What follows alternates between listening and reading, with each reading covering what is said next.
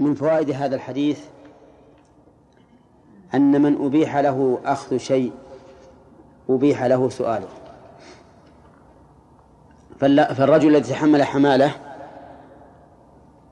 يعني أصلح بين جماعة وتحمل مالا للإصلاح بينهم هذا يباح له أن يأخذ بدل هذه هذا هذه الحمالة التي حملها ويجوز له أن يسأل.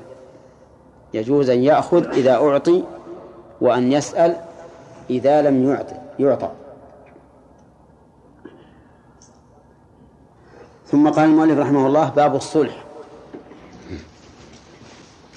الصلح هو قطع الخصومة والنزاع بين المتخاصمين والمتنازعين ويكون في مواضع كثيرة. منها الإصلاح بين الزوجين كما قال الله تعالى وإن امرأة خافت من بعلها نشوزا أو إعراضا فلا جناح عليهما أن يصلحا بينهما صلحا. ولقوله تعالى وإن خفتم شقاق بينهما فابعثوا حكما من أهله وحكما من أهلها إن يريدا إصلاحا يوفق الله بينهما. ويكون كذلك بين الطوائف. التي بينها عداوة كما يحصل من العداوة بين القبائل فيصلح بينهما. ومن ذلك قوله تعالى وإن طائفتان من المؤمنين اقتتلوا فأصلحوا بينهما ويكون أيضا بين المسلمين والكفار في الحال التي لا يستطيع المسلمين أن يقاتلوا الكفار. فإنه يجرى الصلح بينهم. كما جرى ذلك للنبي صلى الله صلى الله عليه وسلم مع قريش في صلح الحديبية. ولكن هل يصح الصلح إلى الأبد يعني غير مؤجل؟ أو لا يصح إلا مؤجلا لاحتمال قوة المسلمين؟ الذي يظهر أنه لا يجوز الصلح إلا مؤجلا لأن المسلمين قد تتغير حالهم ويكون عندهم قدرة على قتال الكفار. ولأن الصلح غير المؤجل يستلزم سقوط جهاد الكفار لأنه لا يمكن إذا صالح إذا صالح المسلمون أحدا من الكفار أن ينقض العهد إلا إذا نقض الكفار العهد ولهذا قال الله عز وجل إلا الذين عاهدتم من المشركين ثم لم ينقصوكم شيئا ولم يظاهروا عليكم أحدا فأتموا إليهم عهدهم إلى مدتهم. إن الله يحب المتقين.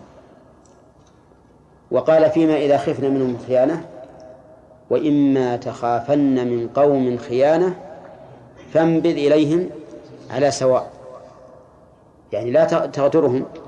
إذا خفت الخيانة لا تغدرهم وتنقض الصلح من جانب واحد. بل انبذ إليهم على سواء وقل لا عهد بيننا وبينكم. أما إذا نقضوا العهد فإنهم يقاتلون. كما قال تعالى ألا تقاتلون قوما نكثوا أيمانهم وهموا بإخراج الرسول وهم بدأوكم أول مرة. فالصلح بين الكفار وبين المسلمين جائز عند الحاجة إليه. ثم مقام المسلمين مع هذا العدو المصالح على ثلاث أح... ثلاث درجات. الأولى إذا لم يكن من هؤلاء نقض للعهد فالواجب إيش؟ إتمام العهد. الثاني إذا خيف العهد إذا خيف نقض العهد ولم ينقض العهد فالواجب نبذ العهد. يعني أن نخبرهم بأنه لا عهد بيننا وبينكم. ما نباغتهم وننقض العهد بل نخبرهم. الثالثة إذا نقضوا العهد فإنه لا عهد لهم. يسقط عهدهم وحينئذ نقاتلهم. وكل هذا موجود في كتاب الله عز وجل. يكون الصلح أيضا بين المتخاصمين في المال. بين المتخاصمين في المال. وهذا كثير يقع في العباد في المعاملات. كالبيع والإجارة والرهن وغير ذلك. وكل هذه الأمور الأصل فيها الأصل فيها الجواز. هذا هو الأصل. لكن قد تكون واجبة وقد تكون مستحبة. وإلا فلا أحد يمنع من الصلح. بين المتخاصمين المتنازعين أبدا. فالأصل الجواز. ولهذا قال المؤلف رحمه الله أو ساق المؤلف حديث عمرو بن عوف المزني رضي الله عنه أن رسول الله صلى الله عليه وسلم قال الصلح جائز بين المسلمين. قوله جائز يعني بذلك الجواز التكليفي والجواز الوضعي. كيف هذا؟ في جواز تكليفي وجواز وضعي الجواز التكليفي ضد المحرم. فمعنى جائز أي ليس بحرام. الجواز الوضعي بمعنى النافذ. جائز يعني نافذ ليس بفاسد. فضد الجائز من هذا الوجه ضده الفاسد الذي لا ينفذ. إذن الصلح جائز من حيث التكليف الشرعي وجائز من حيث الوضع. يعني أنه نافذ ولا يجوز إبطاله بل يجب إتمامه. وقوله بين المسلمين هذا لا مفهوم, لا مفهوم له لأنه قيد أغلبي. فإن الصلح بين المسلمين والكافرين جائز بالسنة الفعلية. كما صالح النبي صلى الله عليه وسلم قريشا في في في في الحديبية قال إلا صلحا حرم حلالا أو أحل حراما فالصلح الذي يحل. الذي يحرم الحلال ويحلل الحرام هذا ليس بجائز وذلك لأنه مضاد لله عز وجل في حكمه. تصالح شخصا على شيء محرم هذا لا يجوز. تصالحه على شيء تحرمه عليه وهو حلال له في الشرع هذا لا يجوز. مثال الأول رجل حصل بينه وبين زوجته نزاع. فاصطلحا على أن يطلق زوجته الأخرى. هذا الصلح لا يجوز. لماذا؟ لأنه أحل حراما. ما هو الحرام؟ الاعتداء على حق الزوجة الأخرى. الاعتداء على حق الزوجة الأخرى. ولهذا قال النبي عليه الصلاة والسلام لا تسأل المرأة طلاق أختها لتكفأ ما في صحفتها. فهذا صلح محرم غير نافع. طيب.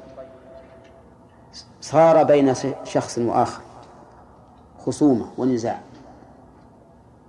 فصالحه على أن يبيحه فرج أمته لمدة أسبوع. حكم حرام. لماذا؟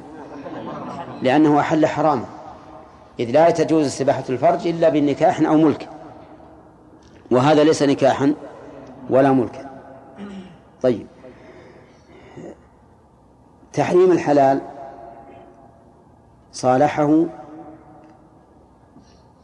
على أن لا يأكل الخبز لمدة ثلاثة أيام. يجوز هذا ولا لا؟ ها؟ طيب الخبز مو حلال؟ طيب يقول وش عليك من؟ أنا باكل اللي أبي. فهل يصح؟ أو نقول هذا من باب تحريم الحلال. نعم. هذا ينظر. إذا كان فيه مصلحة إذا كان فيه مصلحة فإن جميع المصالحات لا بد فيها من أن يحرم الإنسان من من الحلال الذي أحله الله له. لا بد أن يحرم. لأن الصلح لا بد فيه من أن يتنازل الإنسان عن شيء من حقه. وهذا التنازل يقتضي إيش؟ تحريم الحلال باعتبار الصلح ما هو تحريم شرعي. طيب. شخص آخر قال لشخص بينه وبينه معاملة. قال أنا أنا لا أقر لك إلا إذا أسقطت عني نصف الدين. لا أقر لك إلا إذا أسقطت عني نصف الدين. ما تقولون؟ هذا حرام. ليش؟ لأنه يحرم الحلال. الحلال هو أن صاحب الدين له المطالبة بجميع حقه.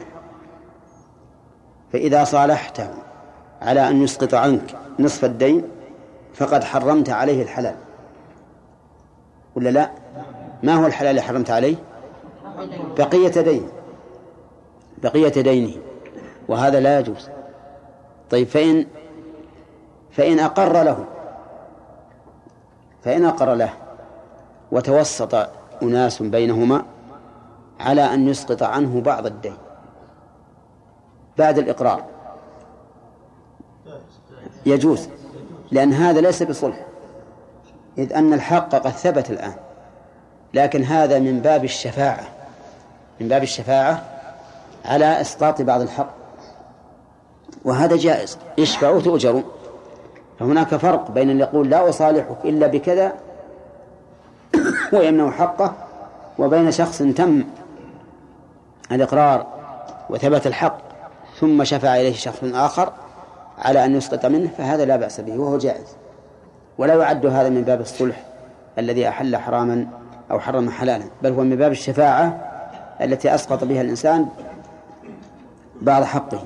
طيب آه، رجل عنده دين لشخص يحل بعد سنة فاصطلح على أن يعجل الدين ويسقط بعضه.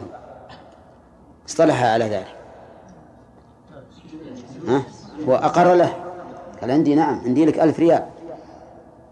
لكن أنا إذا تحب أعطيك ثمانمائة الآن نقدا وتسمح عن المئتين قال ما, ما عندي مال هذا جائز على القول الراجح. على القول الراجح جائز لأنه ليس فيه ربا. هذا فيه مصلحة للطرفين. ما فيه ربا. لأن صاحب الحق لم يأخذ أكثر من حقه بل أخذ أنقص من حقه. واستفاد المطلوب بماذا؟ بسقوط بعض ما عليه. واستفاد الطالب بالتعجيل ففي مصلحة. والربا على العكس من ذلك. الربا فيه ظلم لأحد الطرفين. وذهب بعض العلماء إلى أن هذا لا يجوز. قال لأن هذا شراء مؤجل بمعجل. وأنت لو اشتريت ألف ريال بثمانمائة نقدا لكان هذا لا ربا لا يجوز. قال فهذا مثله لأنك أخذت الآن ثمانمائة عن عن ألف. ولكن هذا قول ضعيف لأن هذا ليس من باب المعاوضة. هذا من باب الإسقاط. صحيح لو أنني جئت الواحد ثالث وقلت تعال أنا أطلب فلانا ألف ريال اشتري ألف ريال اللي في ذمته مني بثمانمائة؟ أعطني ثمانمائة وأنا أحيلك عليه. يجوز هذا ولا لا؟ هذا لا يجوز. لأن هذا هو الشراء الصحيح. هذا هو البيع. أما رجل أبرأته من بعض من بعض دينه على أن يعجله لي فليس في هذا ربا. ولا بيع وشراء أيضا. هذا يسمى إسقاطا وإبراء. والحاصل أن الرسول صلى الله عليه وسلم آه، أعطانا قاعدة. أصلها لنا. الصلح جائز إلا صلحا أحل حراما أو حرم حلالا. وهذا يشمل كل شيء. طيب هل يشمل المصالحة على الدية في من ثبت عليه القصاص؟ يعني رجل قتل رجلا عمدا عدوانا محضا فطالب أولياء المقتول بالقصاص. فثبت القصاص فصالح المحكوم عليه أولياء المقتول على أن يسقط عنه القصاص بمال يجوز ولا لا؟ جائز ها؟ ليش؟ ما هذا يحرم حلالا؟ ها؟ نعم هذا هذا جائز ولكن هل يجوز أن يصالح بأكثر من الدية؟ يعني الدية مثلا عندنا الآن مئة ألف. قال أولياء المقتول لا لا نسقط القصاص عنك إلا إذا أعطيتنا مليون. يجوز؟ آه. هذا في خلاف؟ قولان ابن جني ولا قولان صحيح تعرفهم. ها؟ طيب. على كل حال هذا في خلاف. فمن العلماء من يقول لا يجوز أن يصالح بأكثر من الدية. لأن الرسول عليه الصلاة والسلام قال من قتل له قتيل فهو بخير النظرين. إما أن يقتل وإما أن يودع. ولم يذكر شيئا ثالثا. ومن العلماء من قال إنه يجوز. يجوز لأن هذا هو الذي ورد عن الصحابة رضي الله عنهم. ولأن هذا حق لأولياء المقتول فلهم أن لا يسقطوه إلا بعوض يريدونه. على كل حال إذا قلنا بالمصالحة بمقدار, بمقدار الدية فالأمر فيه ظاهر.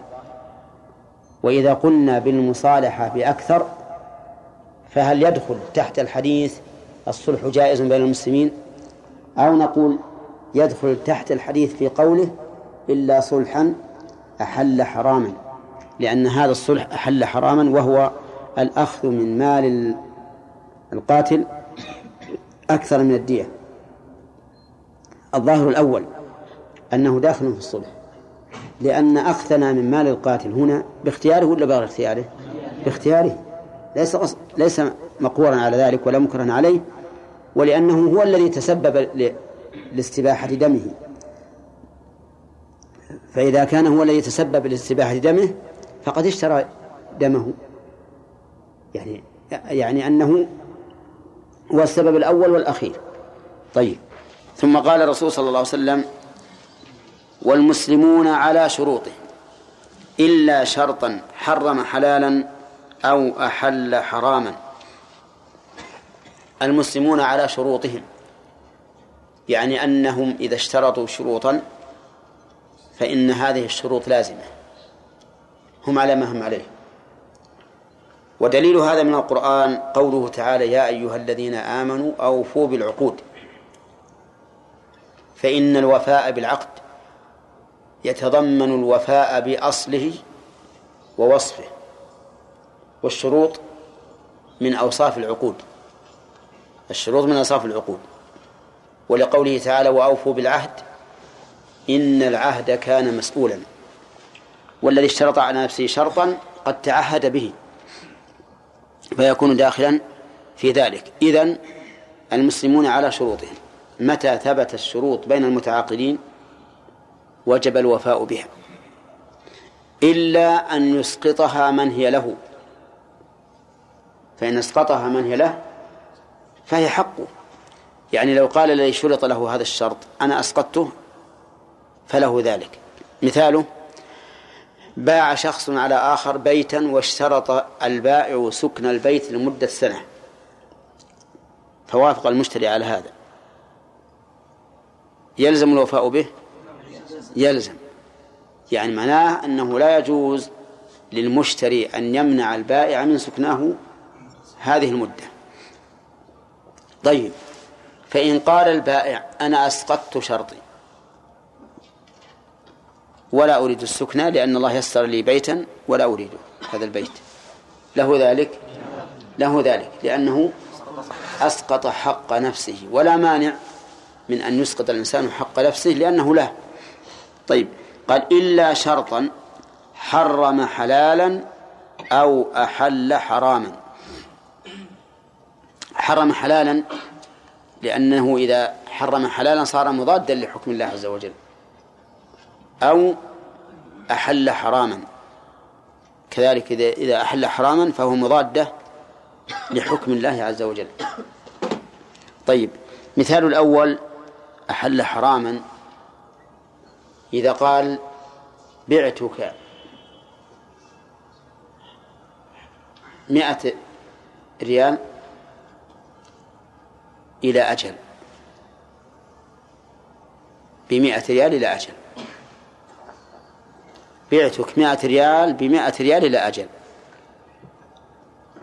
هذا بيع مشترط فيه الأجل. هل يصح اشتراط هذا الأجل؟ لا. لماذا؟ لأنه ربا أحل حراما. إذ أن بيع الذهب الفضة بالفضة لا بد فيه من التقابض بمجلس العقد. طيب. قال بعتك مئة درهم بتسعين درهما. نعم. نقدا. يعني بشرط ألا ألا تعطي ألا أعطيك إلا تسعين درهم. ما يجوز؟ ليش؟ لأنه أحل, أحل حرام. طيب. بعتك هذه الناقة بشرط أن تبيعني ما في بطن ناقتك. ليش؟ لأن الشرط مجهول. طيب. بعتك هذا البيت بشرط أن ترهنني ولدك. ليش؟ لأن رهن الولد لا يصح حرام. طيب الثاني قال أو أحل حراما. أحل حراما. مثل ما أخذنا هذه؟ الأمثلة على تحليل الحرام. طيب. تحريم الحلال يعني باعه شيء وقال له أبيعك هذا الشيء بشرط أن تمتنع من معاشرة زوجتك مثلا أو أن تمتنع من شيء آخر غير غير هذه المسألة. مما أحله الله له. فهذا أيضا لا يجوز. ولكن كما قلت لكم قبل قليل إن تحريم كل شروط فلا بد فيها من من إسقاط مباح. كل الشروط حتى المصالحة. فلا بد أن يكون هناك شرط يحرم الحلال الذي أحله الله على كل حال. فيأتي هذا الشرط ويحل ويحل هذا هذا لا يجوز. طيب شرط شرط الولاء. للبائع. ما يجوز؟ ليش؟ هل هو أحل حراما أو حرم حلالا؟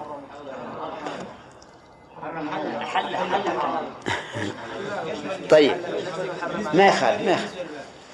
بالنسبة للبائع وبالنسبة للمشتري صحيح. بالنسبة للبائع أحل له حراما ولا لا؟ ليش؟ لأن لأن الولاء ليس له. فأحل له الحرام. بالنسبة للمشتري حرم عليه الحلال لأن الولاء من حقوقه. فإذا اشترط عليه للبايع ففيه تحريم تحريم الحلال. طيب يستفاد من هذا الحديث فوائد كثيرة. آه، أظنه انتهى الوقت. آه، رواه الترمذي وصححه. هذا منتدى درس رواه الترمذي وصححه أي قال إنه صحيح. والصحيح حجة لأنه لا يكون صحيحا إلا باجتماع خمسة شروط. أن يكون الراوي عدلا ضابط نعم تام الضبط. ويكون السند متصل وأن يكون غير معلل ولا شاذ. هذا هو الصحيح. فالترمذي رحمه الله صح الحديث لكن أنكروا عليه. الذي أنكر عليه أئمة المحدثين. وقالوا كيف يصح؟ لأن راويه كثير بن عبد الله بن عمرو بن عوف ضعيف. ونحن نقول من شروط الصحيح أن يكون الراوي عدلا تام الضبط. فإذا كان الراوي ضعيفا فإننا نحكم بضعف ولا نقول صحيح. وبناء على ذلك هل لك إذا رأيت الحديث بسند ضعيف تعرف أن أحد رواته ضعيف؟ هل لك أن تقول إنه ضعيف؟ ها؟ لا. لأنه ربما يروى بسند آخر ما اطلعت عليه. فإذا أردت أن تقول ضعيف فإما أن تتبع الطرق فلا تجد طريقا آخر لهذا الحديث. وإما أن تقيد فتقول هو ضعيف من هذا الوجه. تقول ضعيف من هذا الوجه. لأنك إذا قلت ضعيف من هذا الوجه خرجت من عهدته. لكن إذا قلت ضعيف وحكمت عليه بالضعف فربما يكون قد أتى من طريق آخر صحيح. فتكون حكمت على الحديث بالضعف الموجب لرده وهو من كلام الرسول عليه الصلاة والسلام. وإذا مسألة من هينة. ولذلك لا ينبغي للإنسان أن يحكم على ضعف الحديث بمجرد أنه أنه يجده بسند ضعيف. إلا إذا تتبع الطرق ولم يجده مرويا إلا من هذا الوجه فحينئذ يحكم بضعفه. وإلا وإلا فيجب عليه أن يقيد ويقول هو ضعيف من هذا الوجه حتى يخرج من عهدته. وكما قرأنا في علم المصطلح أن الرجل قد يكون ضعيفا باعتبار شيخ من المشايخ. يعني أن روايته عن هذا الشيخ ضعيفة. وروايته عن عن المشايخ الآخرين صحيحة. عاصم ابن أبي النجود أحد القراء الذين تلقي القرآن منه ومع ذلك هو في الحديث ضعيف. هو في الحديث ضعيف. لأن الرجل جعل همته كلها في القرآن والبحث عن طرق القرآن. فاشتغل بهذا بتحقيق القرآن عن عن الأحاديث. فلهذا صار من حيث السند في الأحاديث ضعيف لكن في القرآن حجة. تلقته الأمة كلها بالقبول. على كل حال أنا أقول حتى لو كان الراوي ضعيفا فاعلم أنه قد يكون ضعيفا من بالنسبة لشخص قويا بالنسبة لشيخ آخر فإذا روى هذا الرجل الحديث عن فلان قلنا ضعيف. إذا روى عن فلان آخر قلنا صحيح. ولهذا تجدون في بعض الأحيان في تراجم الرواة فلان ضعيف في شيخه فلان. يعني إذا روى عن هذا الشيخ صار ضعيف. فلان ضعيف في الشاميين فلان ضعيف في المكيين. نعم. ولهذا علم الحديث بالحقيقة من من أشد العلوم حاجة إلى المواصلة والتعاهد والتعهد لأنه دقيق. علم الفقه وغيره من العلوم يقدر الإنسان يحيط به بسهولة لكن هذا ما يقدر. لأنه مشكل. إن اعتمد على تصحيح رواية هذا الرجل من من طريق واحد وهو ضعيف في الطرق الأخرى صار الجاهل كلما وجد هذا الرجل قال إن الحديث صحيح. لأنه ما عهد أنه يكون صحيحا من وجه إن روى من هذا الوجه فهو صحيح وإن روى من وجه آخر فهو ضعيف. فعلم المصطلح علم مهم علم شريف يحتاج إلى عناية وتعهد عظيم. الترمذي رحمه الله صحح حديث لكنهم أنكروا عليه لهذا السبب. قال وكأنه اعتبره هذا اعتذار عن الترمذي من ابن حجر. كأنه يعني الترمذي. اعتبره أي اعتبر الحديث بكثرة طرقه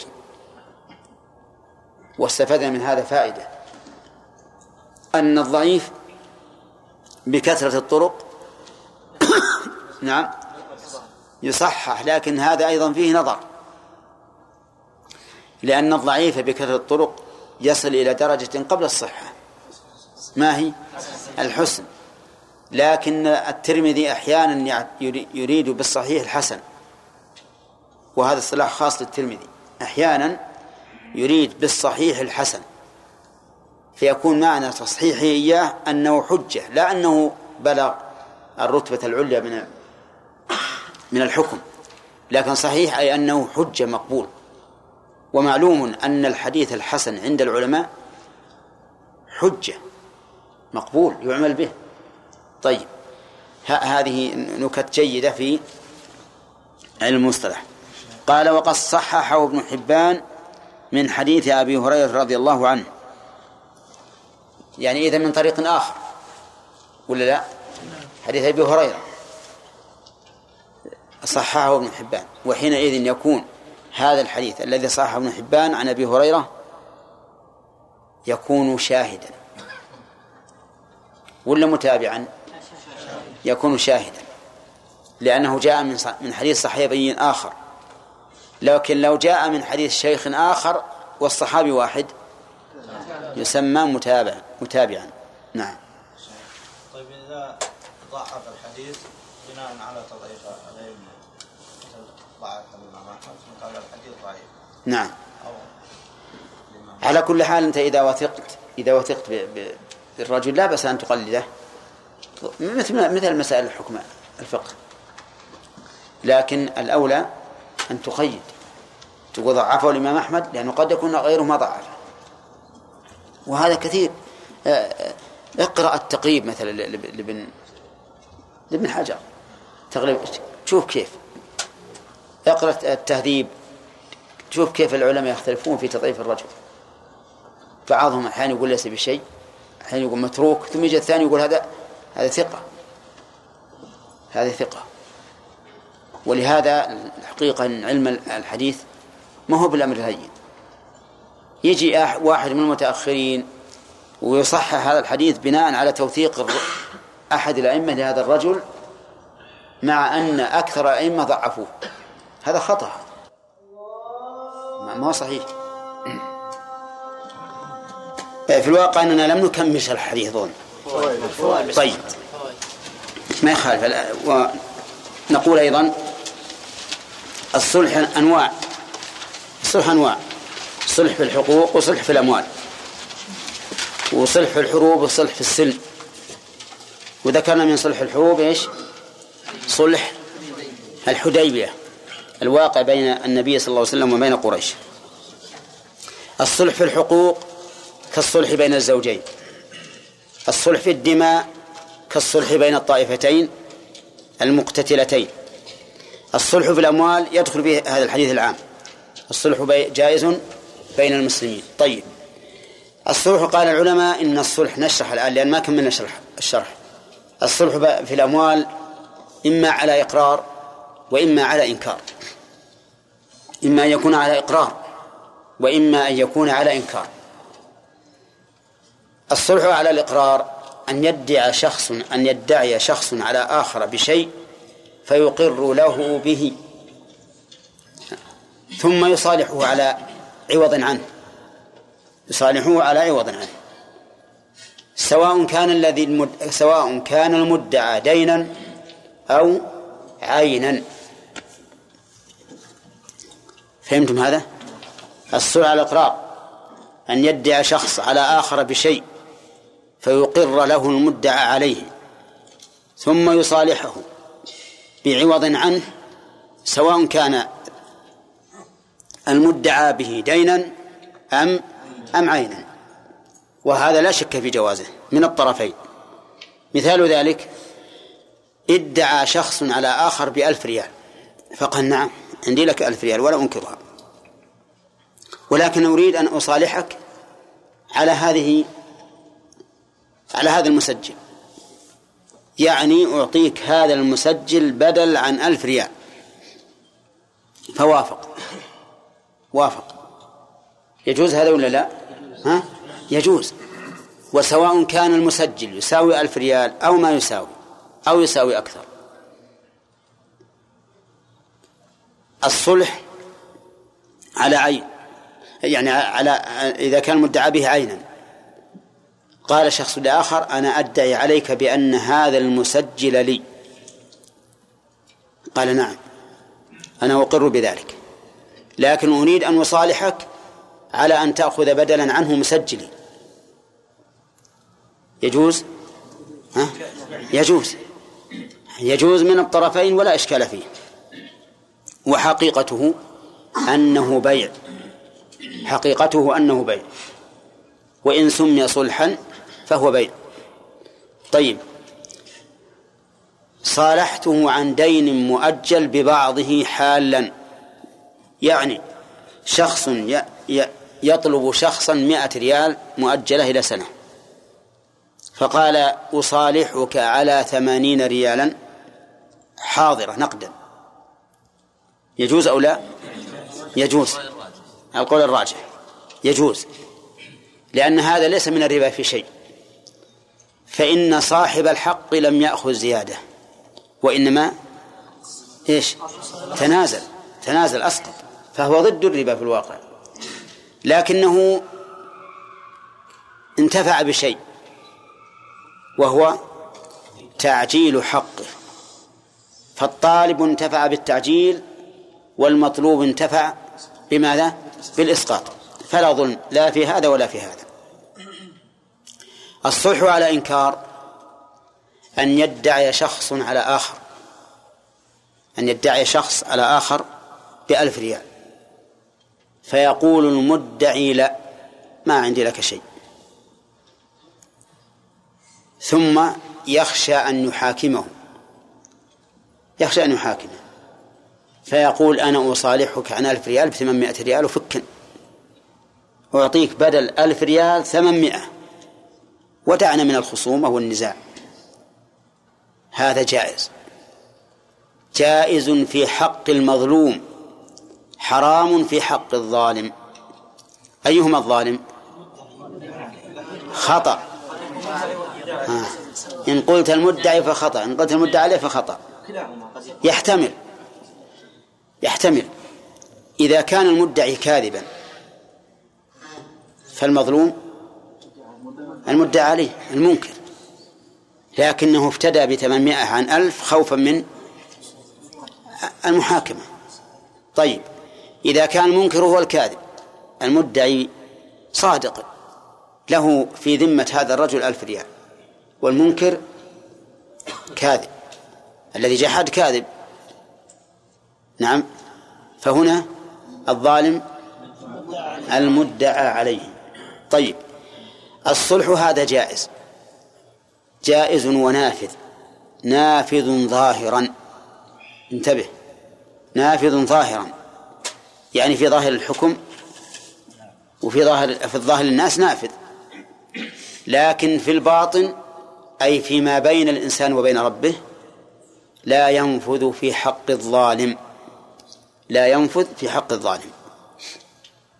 ويبرأ به من ويبرأ من منه يوم القيامة ولا لا؟ ما يبرأ. لأنه ظالم. إما معتد في الدعوة أو معتد في الإنكار.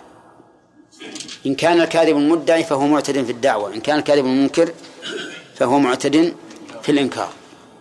المهم أن هذا الصلح صحيح ظاهرا. صحيح ظاهرا. فاسد باطنا. فاسد باطنا فلو كان المصالح به المصالح عليه عينا لم يحل للظالم الانتفاع بها. يعني مثلا ادعى عليه بألف ريال قال والله ما عندي ألف ما ما عندي لك شيء.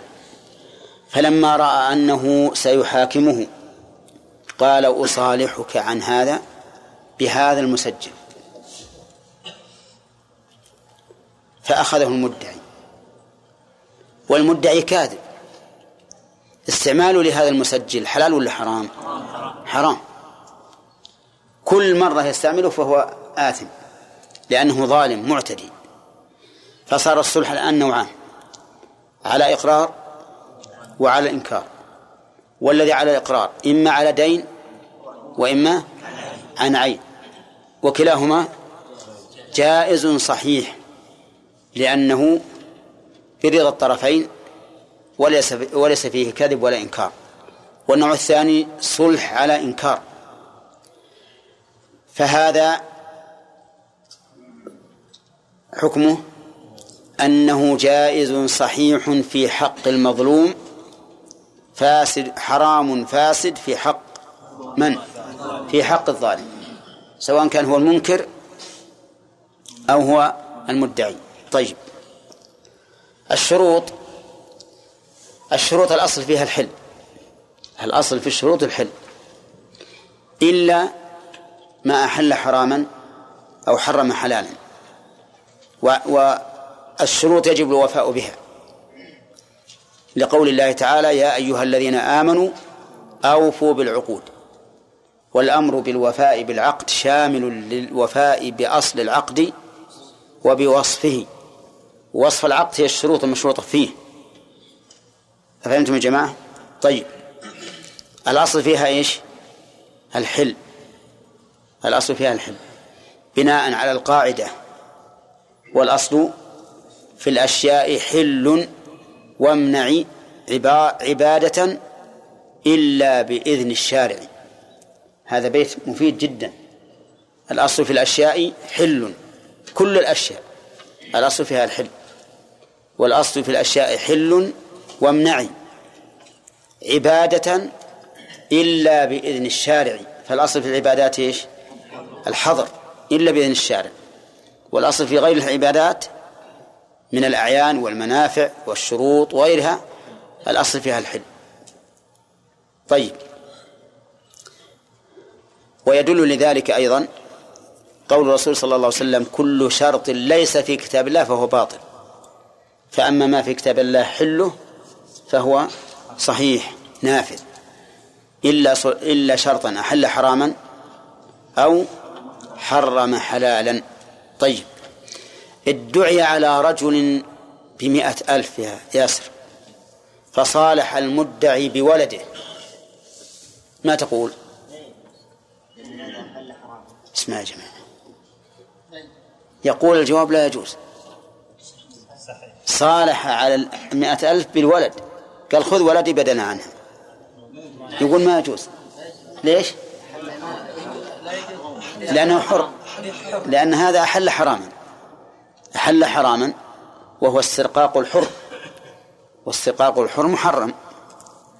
يقول الله عز وجل في الحديث القدسي ثلاثة أنا خصمهم يوم القيامة. رجل أعطى بي ثم غدر. ورجل باع حرا فأكل ثمنه ورجل استأجر أجيرا فاستوفى منه ولم يعطه أجره. هؤلاء خصمهم الله عز وجل. ومن كان الله خصمه فهو مخصوم بلا شك مغلوب. طيب رجل باع على شخص أمه واشترط البائع على المشتري أن يطأها البائع لمدة سنة. ما يقول آدم؟ كيف ما يجوز؟ البائع ما هو المشتري اللي اشترط؟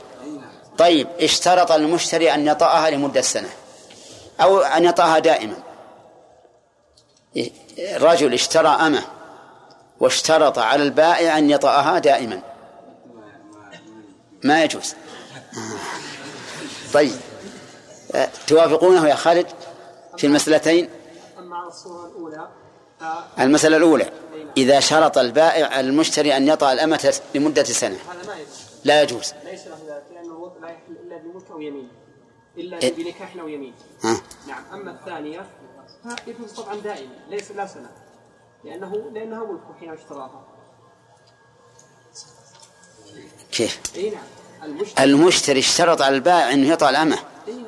نقول وطأ الدهر كله. إيش تقول؟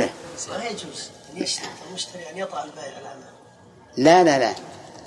اشترط المشتري على البائع أن المشتري يطع الامه الشرط هذا لا ليس ها؟ آه. هذا توكيد. طيب. إذا آدم أصاب في مسألة وأخطأ في أخرى. نعم. طيب. الفوائد الآن.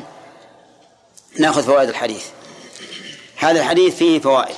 أولا قبل الفوائد الفقهية يقول المؤلف رحمه الله إن إن الترمذي صحح الحديث وأن أهل الحديث أنكروا عليه لأن راويه ضعيف.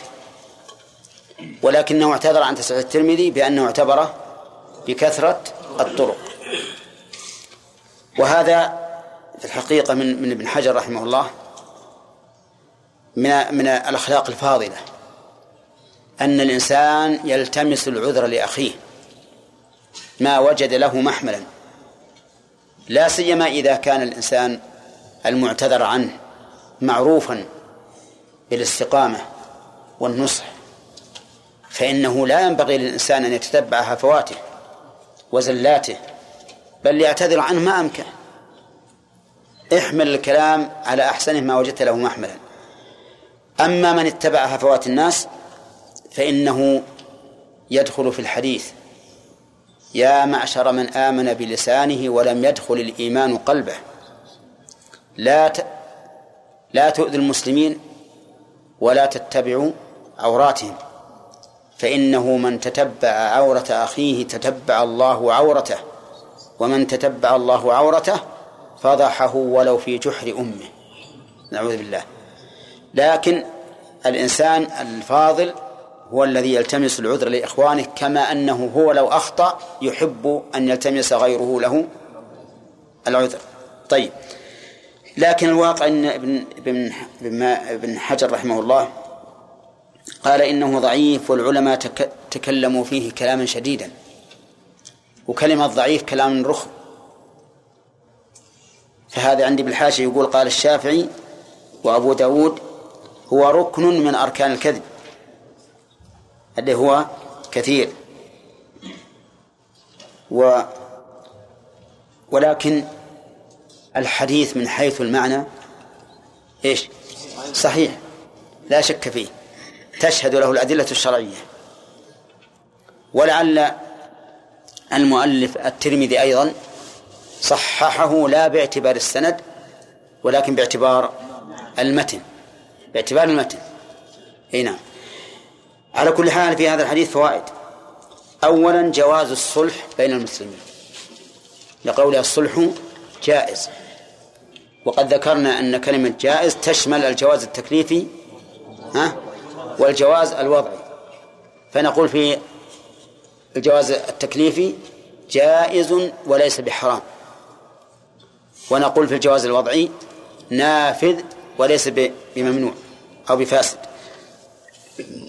فإن قال قائل منطوق الحديث جواز الصلح بين المسلمين. مفهومه عدم جواز الصلح بين المسلمين والكافرين أو بين الكافرين. فيقال هذا القيد أغلبي بين المسلمين والقيد الأغلبي لا يكون مفهومه مخالفا لمنطوقه. ولهذا جرى الصلح بين النبي صلى الله عليه وسلم وبين قريش وهو صلح بين مسلمين وكافرين. وكذلك لو تصالح كافران واحتكما إلينا وجب علينا أن ننفذ الصلح إذا لم يكن مخالفا للشرع. إذن هذا القيد إيش؟ غالبي ومن فوائد هذه الآية هذا الحديث أن حكم الله سبحانه وتعالى لا يغيره حكم المخلوق. من أين يؤخذ؟ إلا صلحا حرم حلالا أو أحل حراما. فكل شيء يجري بين الناس مخالف للشرع مخالفا للشرع فإنه لا ينفذ لأن حكم الله هو الحكم الأحسن ومن أحسن من الله حكما لقوم يوقنون. ومن فوائد الحديث أيضا جواز الشروط بين الناس لقوله والمسلمون على شروطهم. وكذلك نقول في المسلمون على شروطهم أنه قيد إنه قيد أغلبي. فإذا وجدت الشروط بين المسلم والكافر في عقد من العقود فهي ثابتة نافذة. وكذلك لو وجد شروط بين الكافرين في عقد من العقود فهي نافذة. ومن فوائد هذا الحديث من فوائد الجملة الأخيرة أن الشرط المخالف للشرع باطل غير جائز ولا نافذ. لقول الله شرطا حرم حلالا أو أحل حراما. ومن فوائده أن حكم الشرع فوق حكم المخلوق. ولهذا إذا خالف شرط المخلوق شرط الخالق وجب إبطاله. ومن فوائد الحديث من عمومه بطلان جميع الأنظمة المخالفة للشرع. لأن, لأن الأنظمة المخالفة للشرع شروط. توضع يضعها البشر. فكل القوانين المخالفة للشرع مهما كان واضع واضعها فهي فاسدة. لا يجوز تنفيذها بل يجب إبطالها. وقد أبطل النبي صلى الله عليه وسلم الشرط الفاسد حتى بعد أن اشترط. في قصة من؟ في قصة البريرة طيب. ثم قال وعن أبي هريرة رضي الله عنه أن النبي صلى الله عليه وسلم قال لا يمنع جار جاره أن يغرز خشبة في جداره. يجوز في يمنع وجهان الوجه الأول لا يمنع والوجه الثاني لا يمنع.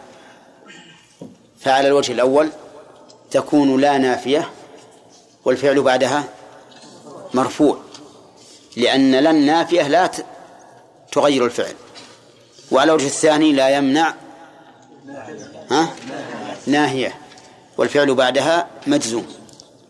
فإن قال قائل هي ناهية واضح أن الرسول ينهى لكن إذا كانت نافية فنقول هذا النفي بمعنى النهي. النفي بمعنى النهي. ويأتي النفي بمعنى النهي تأكيدا. يعني كأنه لا يمكن أن يمنع جار جاره. فيكون هذا أبلغ من النهي. ولهذا قال العلماء قد يأتي الخبر بمعنى الأمر وقد يأتي النفي بمعنى النهي. فقوله تعالى والمطلقات يتربصن بأنفسهن ثلاثة قروء هذا خبر لكنه بمعنى الأمر. وهذا الحديث لا يمنع جار خبر بمعنى النهي. طيب قول جار جاره أن يغرز خشبة في جداره خشبة فيها أيضا وجهان. خشبه على أنها جمع وخشبة على أنها مفرد. طيب فإذا قلنا بالجمع خشبه فهذا عام. وصيغة العموم أنه جمع مضاف والجمع المضاف يفيد إيش؟ العموم. وعلى رواية الإفراد خشبة. نقول هو خ... هو نكرة في سياق النفي في... أو النهي فيكون عاما أي خشبة تكون. وعلى هذا فمؤدى اللفظين إيش؟ واحد. طيب. قوله عليه الصلاة والسلام لا يمنع جار جاره. المراد بالجار هنا الجار الملاصق لأن خشبة الجار لا توضع على الجدار إلا إذا كان الجار ملاصقا. طيب أما الجار الذي ليس بملاصق فلا يرد عليه هذا الحديث وإن كان له حق لكن لا يدخل في هذا الحديث. وقوله عليه الصلاة والسلام أن يغرز خشبة. يغرزها يعني يغرسها. يحفر لها حفرة ويدخلها فيه. أو أن يضعها على ظهر الجدار. فالغرز هنا ليس بشرط. يعني الغرز أن يفتح المكان للخشبة ويدخلها فيه. ووضعها على على ظهر الجدار واضح. وإذا كان الرسول نهى أن يغرز فالنهي على وضعها عن وضعها على ظهر الجدار من باب أولى. لأن نعم لأن الغرز نهى أن يمنع. إذا كان الرسول نهى أن يمنع الجار جاره من غرز الخشبة فنهيه عن منع جاره من وضع الخشبة على ظهر الجدار من باب أولى. لأن الغرز أشد. و وقوله في جداره جدار الجار ولا جدار المانع؟ لا جدار المانع. لأن جدار الجار ما يمكن ينهى عنه الرسول معروف. الجدار جداره. واضح؟ والله ما أدري عنكم. لا يمنعن جار جاره أن يغرز خشبة أو خشبه في جداره أي في جدار الجار المانع. لا في جدار الواضع لأنه إذا كان الجدار للواضع ها ما حد ما حد مانع هو ملكه لكن الكلام على جدار المانع. طيب. ففي هذا الحديث عدة فوائد. أولا بيان حقوق الجار وأن للجار أن ينتفع بملك جاره بما لا ضرر عليه فيه. كذا ومن ذلك وضع الخشبة. طيب. وهل يلحق بوضع الخشبة ما يساويها؟ الجواب نعم. يلحق بوضع الخشبة ما يساويها. وذلك لأن الخشبة إذا وضعها الجار على الجدار استفاد الجار الواضع والجار صاحب الجدار.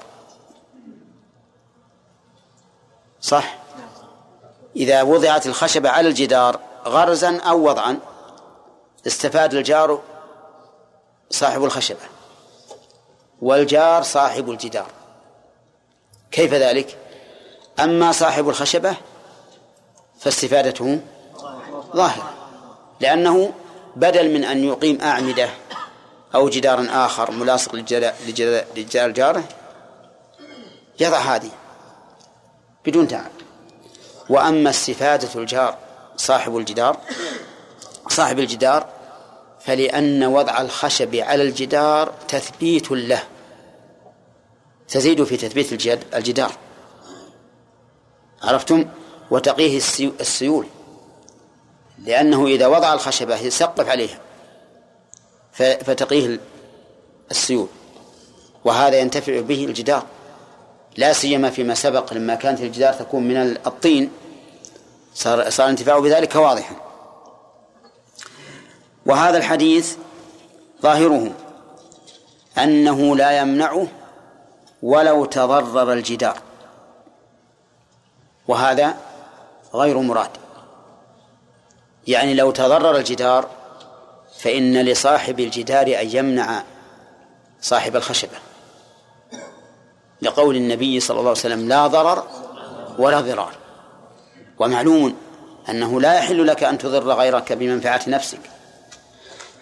طيب إذا قال قائل ما رأيكم فيما لو أراد أن يجري الماء على أرضه؟ إلى أرضه لا لا التي وراءه. يعني أراد صاحب الماء أن يجري الماء على أرض جاره إلى أرض له وراء أرض جاره. فمنع الجار. نقول هذا لا يجوز. لا يجوز لصاحب الأرض أن يمنع صاحب الماء من إجرائه على أرضه إلا أن يكون في ذلك ضرر. فإن كان فإن لم يكن في ذلك ضرر فإنه لا يجوز أن يمنع.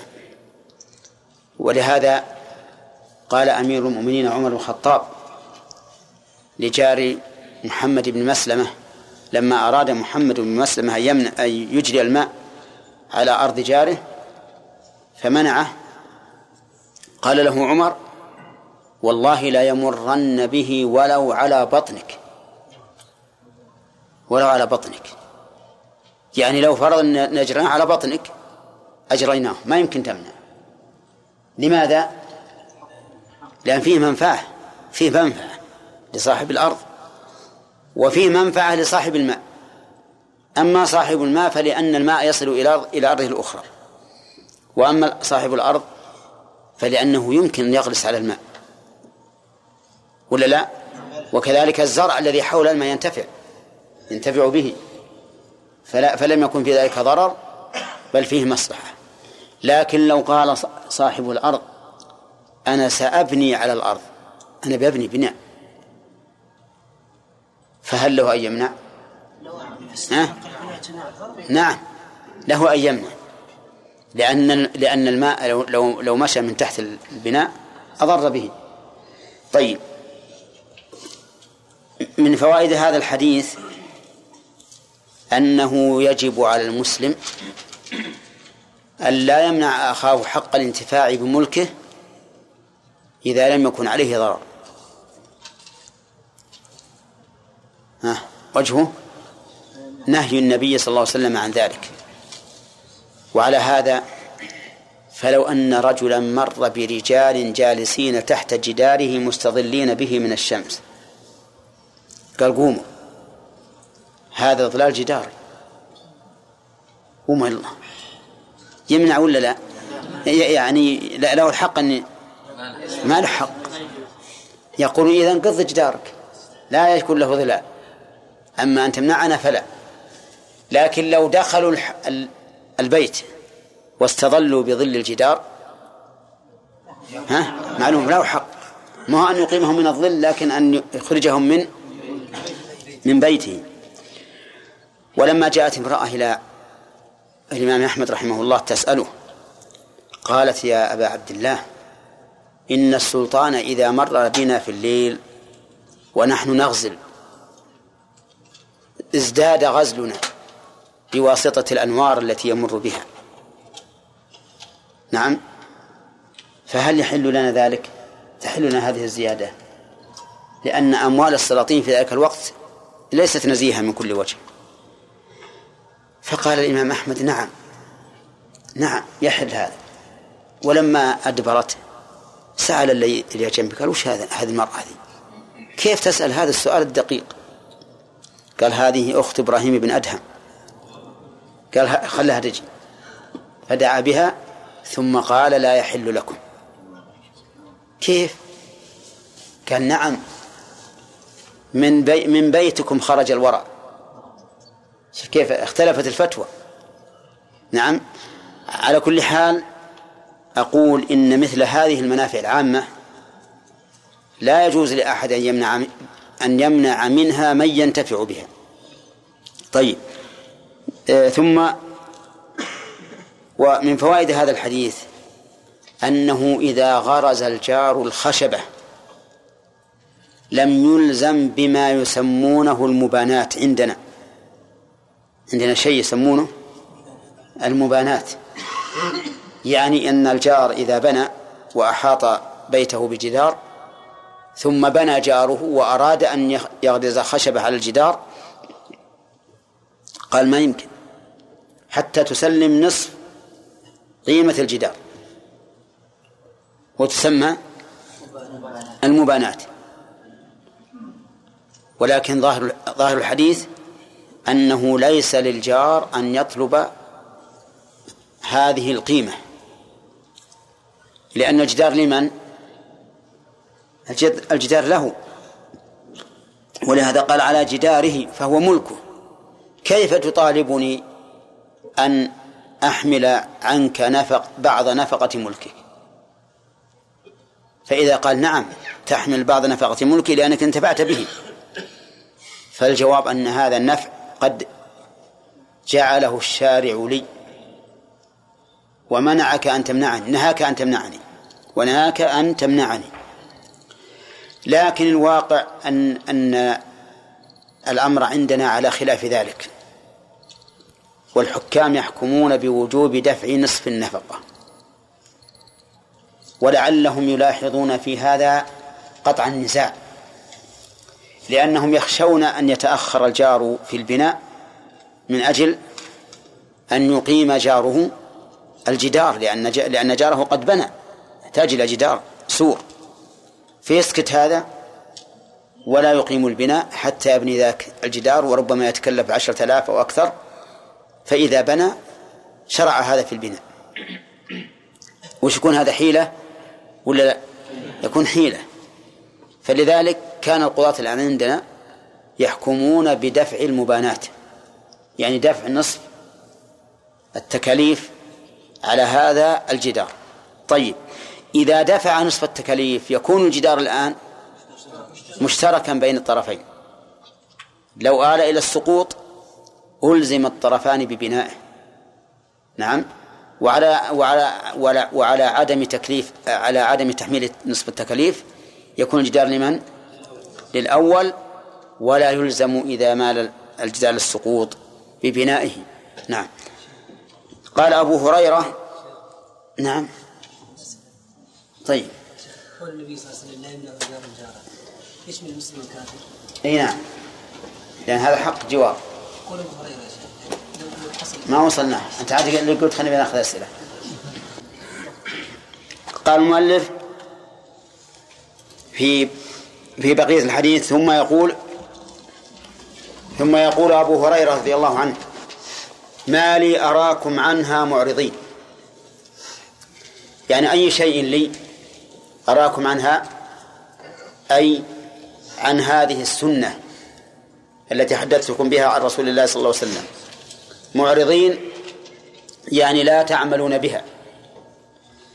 والله لأرمين بها بين أكتافكم. والله لأرمين بها أي بالسنة بين أكتافكم حتى تنزل عليكم من فوق فترهقكم عملا. وقيل والله لأرمين بها أي بالخشب بين أكتافكم أي لأجعلنها على أكتافكم إن امتنعتم إن منعتم من وضعها على الجدار. فعلى القو... فعلى الوجه الأول يكون الضمير في قوله بها عائدا على السنة وعلى الثاني يكون عائدا على الخشب. ولكن أيهما أنسب؟ قال بعض العلماء الأنسب الثاني ويؤيد ذلك أمران.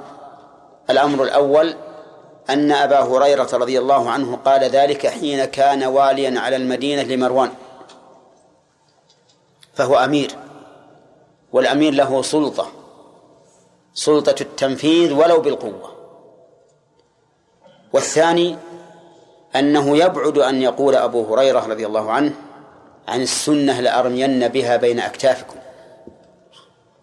لأن السنة الأنسب والأليق أن يقال فيها لأرمين لألقينها بين أيديكم. ما توصف بالرمي والطرح ثم لا توصف بالرمي بين الأكتاف حتى تكون وراء الظهور بل تلقى بين الأيدي حتى يقتدي بها الناس. ثم هناك أيضا وجه ثالث أو أمر ثالث يرجح أن ما بين الأكتاف هو موضع الحمل عادة. فكان الأنسب أن يكون المراد بها إيش؟ الخشب. ونظير هذا قول أمير المؤمنين عمر بن الخطاب رضي الله عنه والله ليمرن به ولو على بطنك. يعني الساقي الماء الذي يمر من بين ملكي الجار. ففي هذا الحديث عدة فوائد. وأظن أخذنا منها؟ ها؟ ما أخذنا منها. طيب أولا نهي الجار أن يمنع جاره عن وضع الخشب في جداره. طيب لقوله لا يمنع. والأصل في النهي التحريم حتى يقوم دليل على أنه لغير لغير التحريم. ومن فوائد هذا الحديث أن المنافع المتمحضة التي ليس فيها ضرر لا يجوز الامتناع منها. وذلك لأن وضع الخشب على الجدار فيه مصلحة للطرفين. من؟ صاحب الجدار والجار صاحب الخشبة. أما صاحب الجدار فلأن وضع الخشب عليه يقيه من الشمس والأمطار ويزيده شدة وقوة لأن البناء يشد بعضه بعضا وأما صاحب الخشب فالمنفعة له ظاهرة. وظاهر هذا الحديث أنه لا تشترط الضرورة. يعني لا لا يشترط للنهي عن منعه أن يكون صاحب الخشب مضطرا إلى ذلك. وذهب بعض أهل العلم إلى أنه يشترط أن يكون مضطرا إلى ذلك بحيث لا يمكنه التسقيف إلا على جدار جاره. فإن كان يمكنه التسقيف على الجهة الأخرى فإنه لا فإنه يجوز للجار أن يمنعه. وكذلك إذا كان يمكنه التسقيف بإقامة أعمدة وجسر بين الأعمدة توضع عليه الخشب فإنه لا لا لا, لا يمنع الجار أو لا ينهى الجار عن منعه من وضع الخشب على الجدار.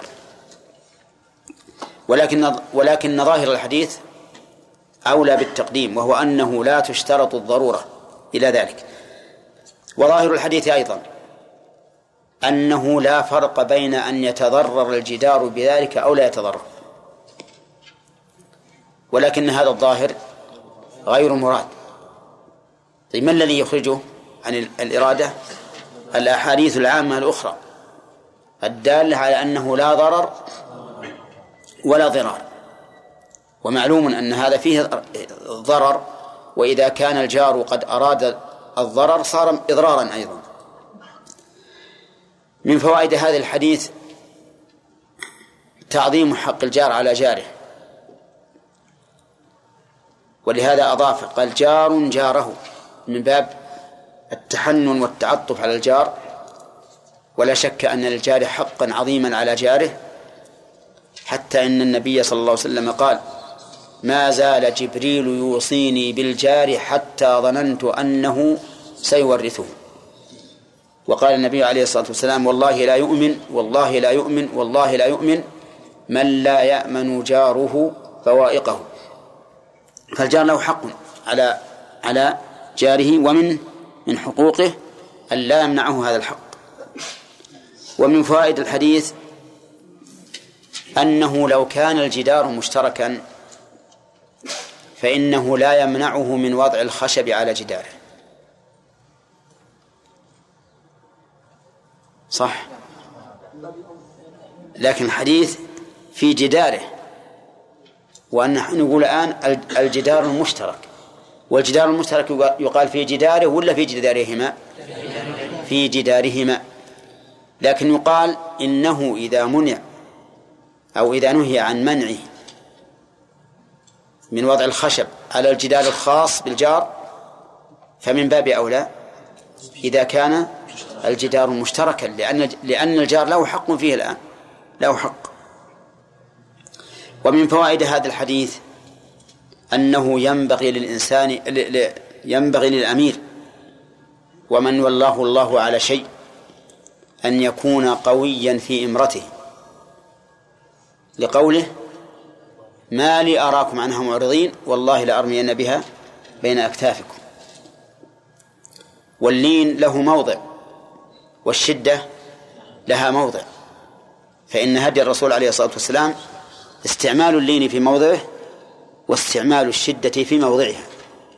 ومن لم يفرق بين مواضع الشدة ومواضع اللين فهو خال من الحكمة. فأنتم قد مر عليكم مسائل كثيرة استعمل فيها الرسول صلى الله عليه وسلم اللين وأخرى استعمل فيها الشدة. الرجل الذي كان لابسا خاتم ذهب نزعه الرسول عليه الصلاة والسلام من يده هو بنفسه ورمى به. وهذا نوع من الشدة. والذين اشترطوا أن يكون الولاء لهم في بريرة قام الرسول عليه الصلاة والسلام وخطب خطابا توبيخيا عظيما. فالمهم أن الإنسان ينبغي له أن يستعمل إيش؟ الشدة في موضعها واللين في موضعه. ولهذا قال المتنبي وهو شاعر حكيم في الحقيقة قال ووضع الندى في موضع السيف بالعلا مضر كوضع السيف في موضع الندى في موضع الندى. وهذا صحيح. إذا وضعت الندى يعني الكرم والعطاء في موضع السيف فهذا إضرار بالعلا مهانة وذل. كوضع السيف في موضع الندى يعني في موضع الكرم لا تضع السيف في موضع السيف لا تضع الكرم. بل كن حكيما في هذا وهذا. ومن فوائد هذا الحديث استعمال المبالغة. استعمال المبالغة في الوعيد.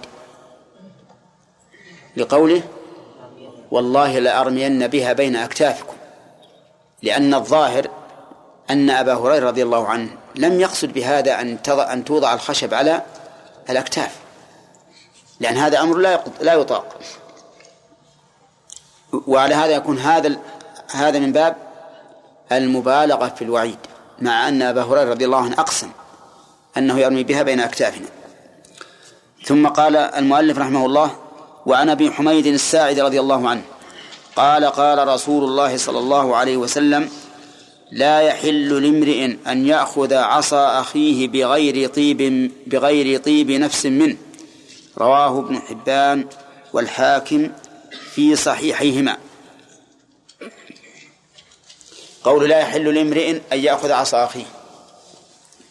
لامرئ. هذه من أسماء الأجناس للرجال. ويقال في النساء امرأة. امرأة.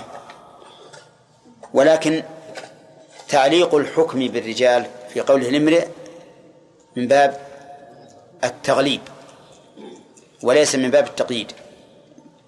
وقوله أن يأخذ عصا أخيه. أخيه نسبا أو أخيه دينا؟ نعم دينا. وإن اجتمع الدين والنسب صار تأكيدا على تأكيد. وقوله بغير طيب نفس منه أي بغير رضا منه. لأن الإنسان إذا رضي طابت نفسه بالشيء. وإذا لم يرضى شحت نفسه بالشيء. ففي هذا الحديث نهى رسول الله صلى الله عليه وسلم عن أن يأخذ الإنسان عصا أخيه بغير طيب نفس منه. وذلك لأنه عدوان. وقد أشار وقد أشارت الآية الكريمة إلى هذا المعنى في قوله تعالى يا أيها الذين آمنوا لا تأكلوا أموالكم بينكم بالباطل إلا أن تكون تجارة عن تراض منكم.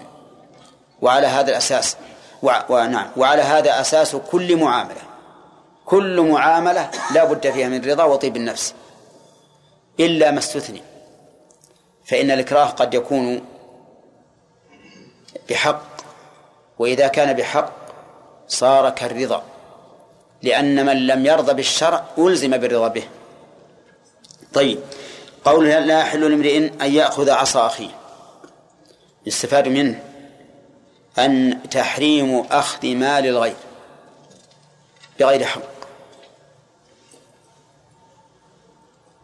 طيب فإذا قال قائل أنت تقول مال والحديث عصا ومال أعم من عصا فكيف تستدل بالأخص على الأعم؟ لأن القاعدة أن يستدل بالأعم على الأخص. لأن العام يدل على جميع أفراده. لا أن يستدل بالأخص على الأعم. يعني أن الدليل لا يكون أخص من المدلول. واضح يا جماعة؟ فالجواب إذا قال قائل هكذا فالجواب أن ذكر العصا تنبيه على ما هو أعظم منه. تنبيه على ما هو أعظم منه. وعلى هذا فيكون مراد النبي صلى الله عليه وسلم مراده العموم. طيب. ونظير هذا من بعض الوجوه. قول النبي صلى الله عليه وسلم خمس من الدواب كلهن فاسق يقتلن في الحل والحرم. ما هي؟ الغراب والحدة والفارة نعم والعقرب والكلب العقور. فهذه الخمس لا يقال إن غيرها لا يقتل في الحرم بل ما كان مثلها في الأذى كان مثلها في الحكم وما كان أعظم منها كان أولى منها بالحكم. واضح يا جماعة؟ فالذئب مثلا يقتل في الحرم لأنه كالكلب العقور أو أشد. الحية تقتل لأنها كالعقرب أو أشد. الجرذ يقتل لأنه كالفأرة. وعلى هذا فقس. طيب. من فوائد هذا الحديث نعم. أنه إذا أخذ الإنسان مال أخيه بطيب نفس منه فلا بأس بذلك. ولكن هذا العموم أو هذا الإطلاق يقيد بالنصوص الأخرى الدالة على أنه لا بد أن يكون المعامل جائز التصرف إن كان تصرفا وجائز التبرع إن كان تبرعا.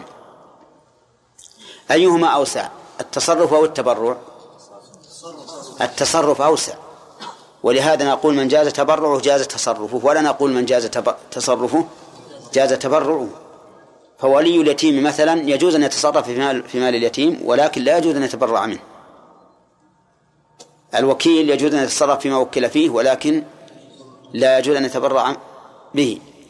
الذي عنده دين مستغرق لماله. يجوز أن يتصرف في ماله ولا يجوز أن يتبرع به. فالتبرع أضيق. طيب. وظاهر الحديث أنه لو طابت نفسه بعد التصرف جاز ذلك. وعليه فيكون فيه دليل على جواز تصرف الفضول. أتعرفون التصرف الفضولي أن يتصرف الإنسان بمال غيره بغير ولاية. ثم يأذن الغير في هذا التصرف. يسمى هذا تصرف فضولي لأنه متوقف على إذن الغير. فهذا التصرف فيه خلاف بين العلماء. هل ينفذ أو لا ينفذ؟ أو ينفذ في بعض المسائل دون بعض؟ والقول الراجح أنه ينفذ في كل مسألة. أجازها من له الحق. فلو بعت ملكك بدون توكيل منك ثم بعد ذلك أذنت لي وأجزت التصرف فالصحيح الجواز.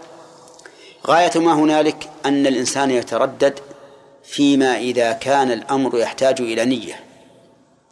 كما لو أديت الزكاة عنك ثم أجزتني بعد ذلك. هل نقول بأن الزكاة أجزأت؟ نعم. أو نقول لم تجزئ؟ هذا فيه تردد.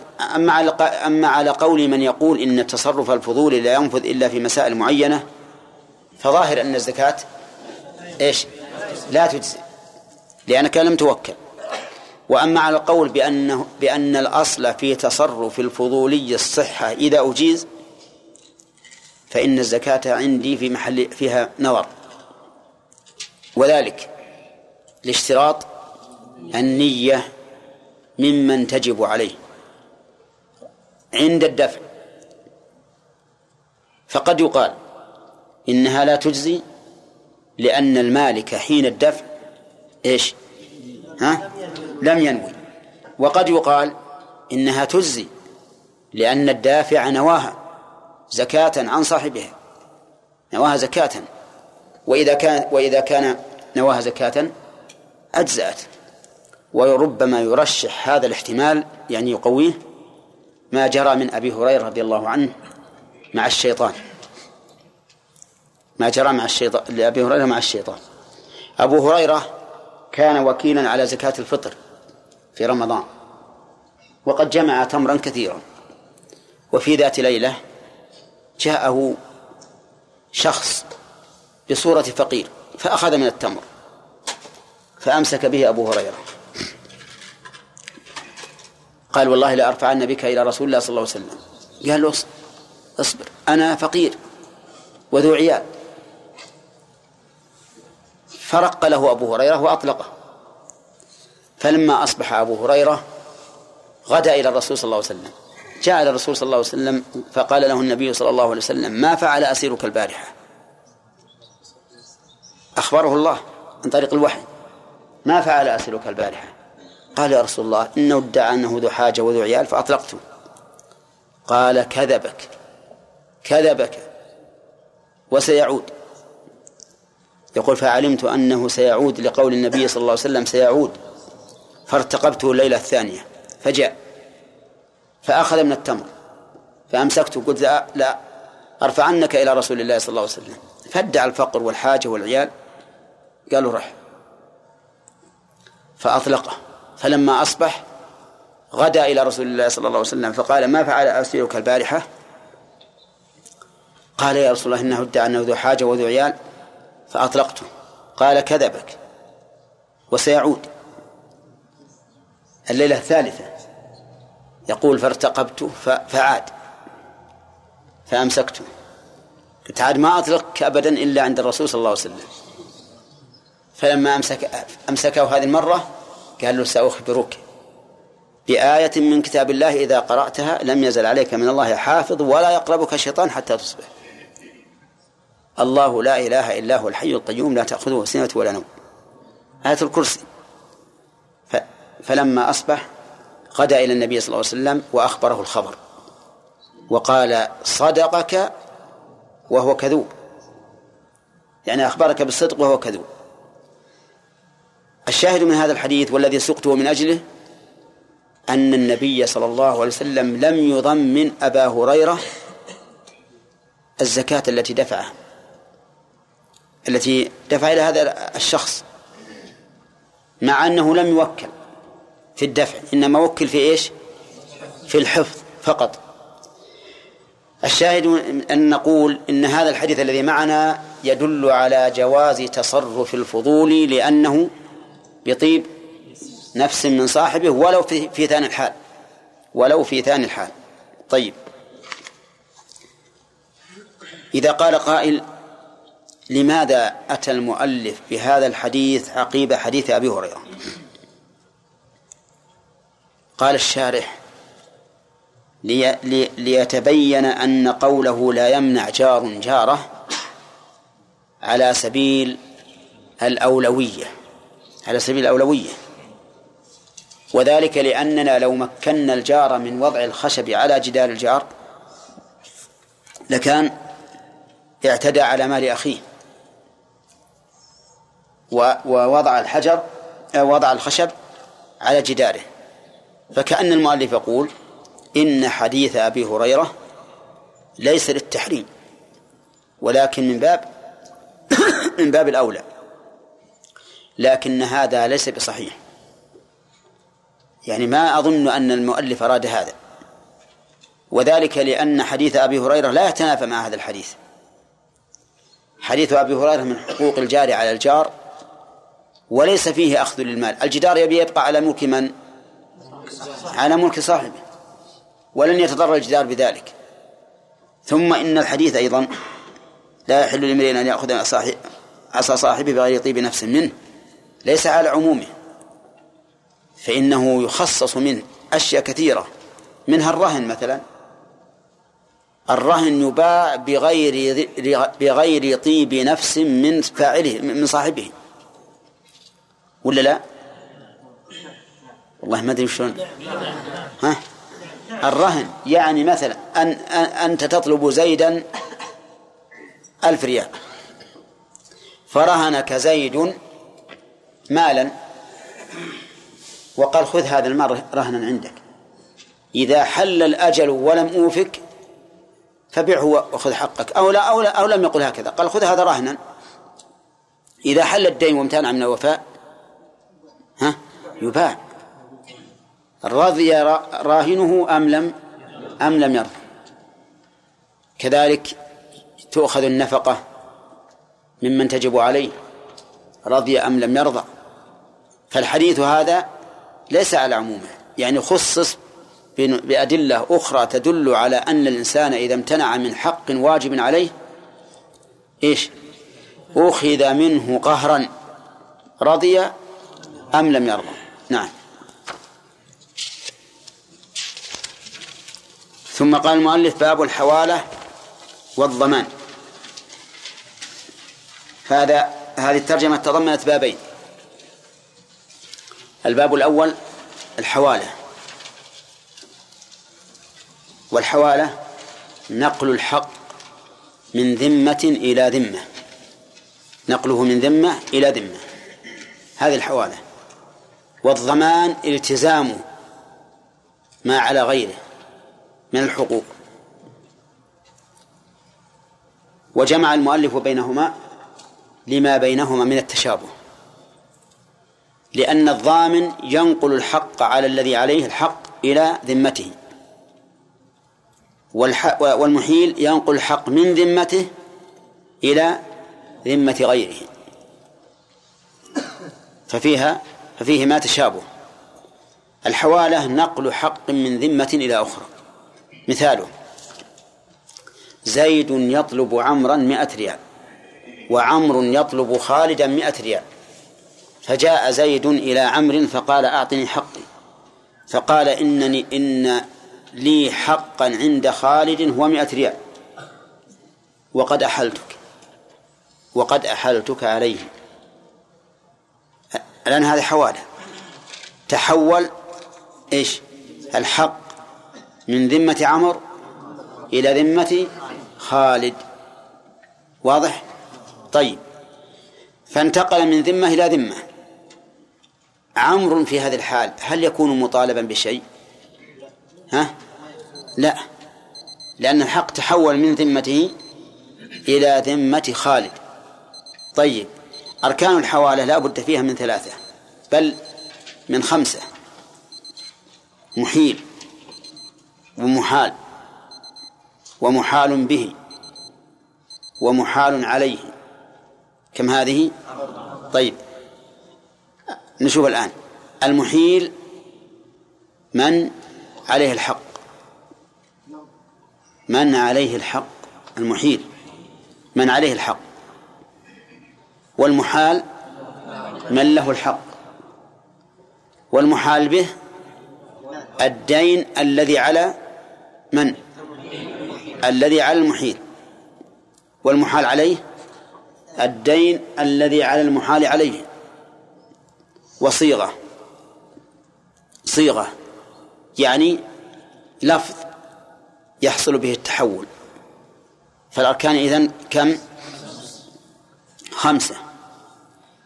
لأن, لأن مثلا نقول لزيد على عمر مئة ريال. كم جمعت هذه؟ كم ركن؟ لزيد على عمر مئة ريال.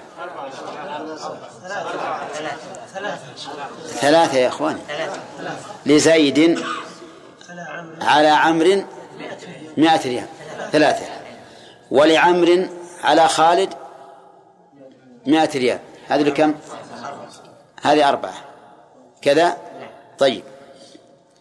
بعد إذن الصيغة. قال عمرو لزيد أحلتك على خالد.